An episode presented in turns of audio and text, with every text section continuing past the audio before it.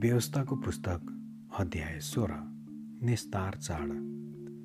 अबिब महिनाको सम्झना राखेर परमप्रभु आफ्ना परमेश्वरको निस्तार चाड मान्नु।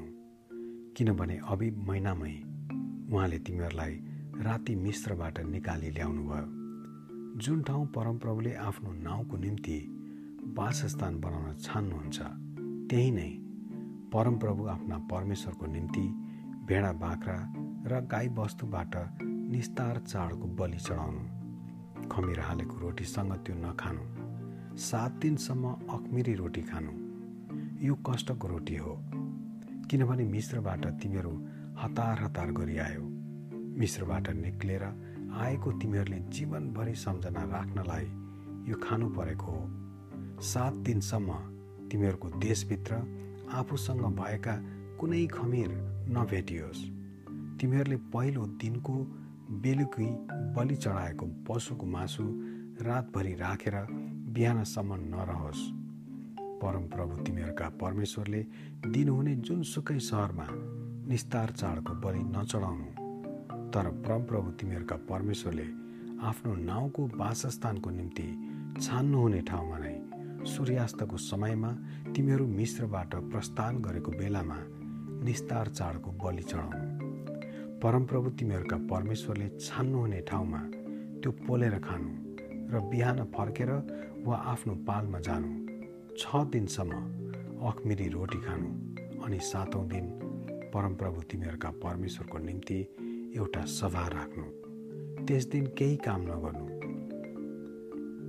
साताहरूको चाड।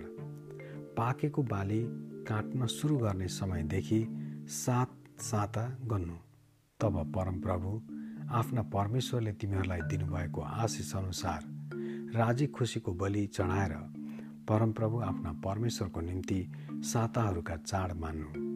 परमप्रभु तिमीहरूका परमेश्वरले आफ्नो नाउँको वासस्थान बनाउन छान्नुहुने ठाउँमा तिमीहरू तिमीहरूका छोराछोरी कमारा कमारी सहरभित्रका लेबीहरू विदेशीहरू टुहुरा टुहुरी र तिमीहरूका माझमा बस्ने विधवाहरू सबैले आफ्नो परमेश्वरको सामु आनन्द मनाउनु याद राख। तिमीहरू मिश्रमा कमारा कमारे थियौ र यी विधिहरू होसियारीसँग पालना गर।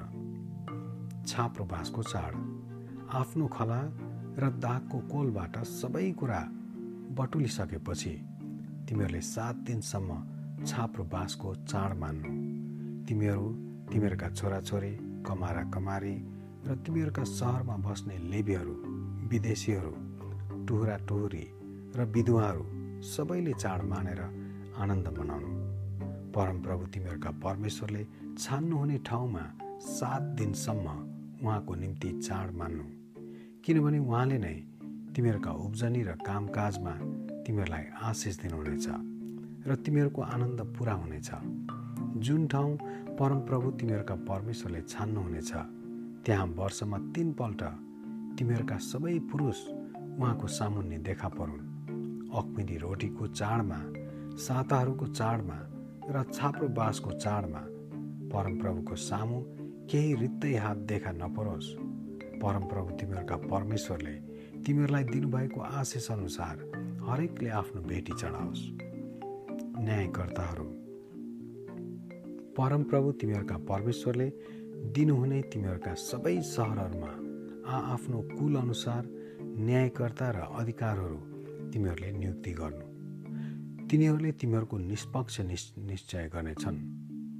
न्याय भ्रष्ट म नगर पक्षपात नगर घुस नल्याऊ किनकि घुसखोरीले समझदारीका आँखा बन्द गरिदिन्छ र धर्मीजनको वचन बङ्ग्याइदिन्छ न्यायलाई पछ्याऊ न्यायलाई मात्र ताकि परमप्रभु तिमीहरूका परमेश्वरले दिनुहुने देश अधिकार गरेर तिमीहरू जीवित रहन सक। तिमीहरूले परमप्रभु आफ्ना परमेश्वरको निम्ति बनाएको वेदीको छेउमा असेरा देवीको काठको खम्बा खडा नगर्नु। तिमीहरूले कुनै चोखा ढुङ्गा खडा नगर्नु कारण ती सबै परमप्रभु तिमीहरूका परमेश्वरले घृणा गर्नुहुन्छ। आमेन।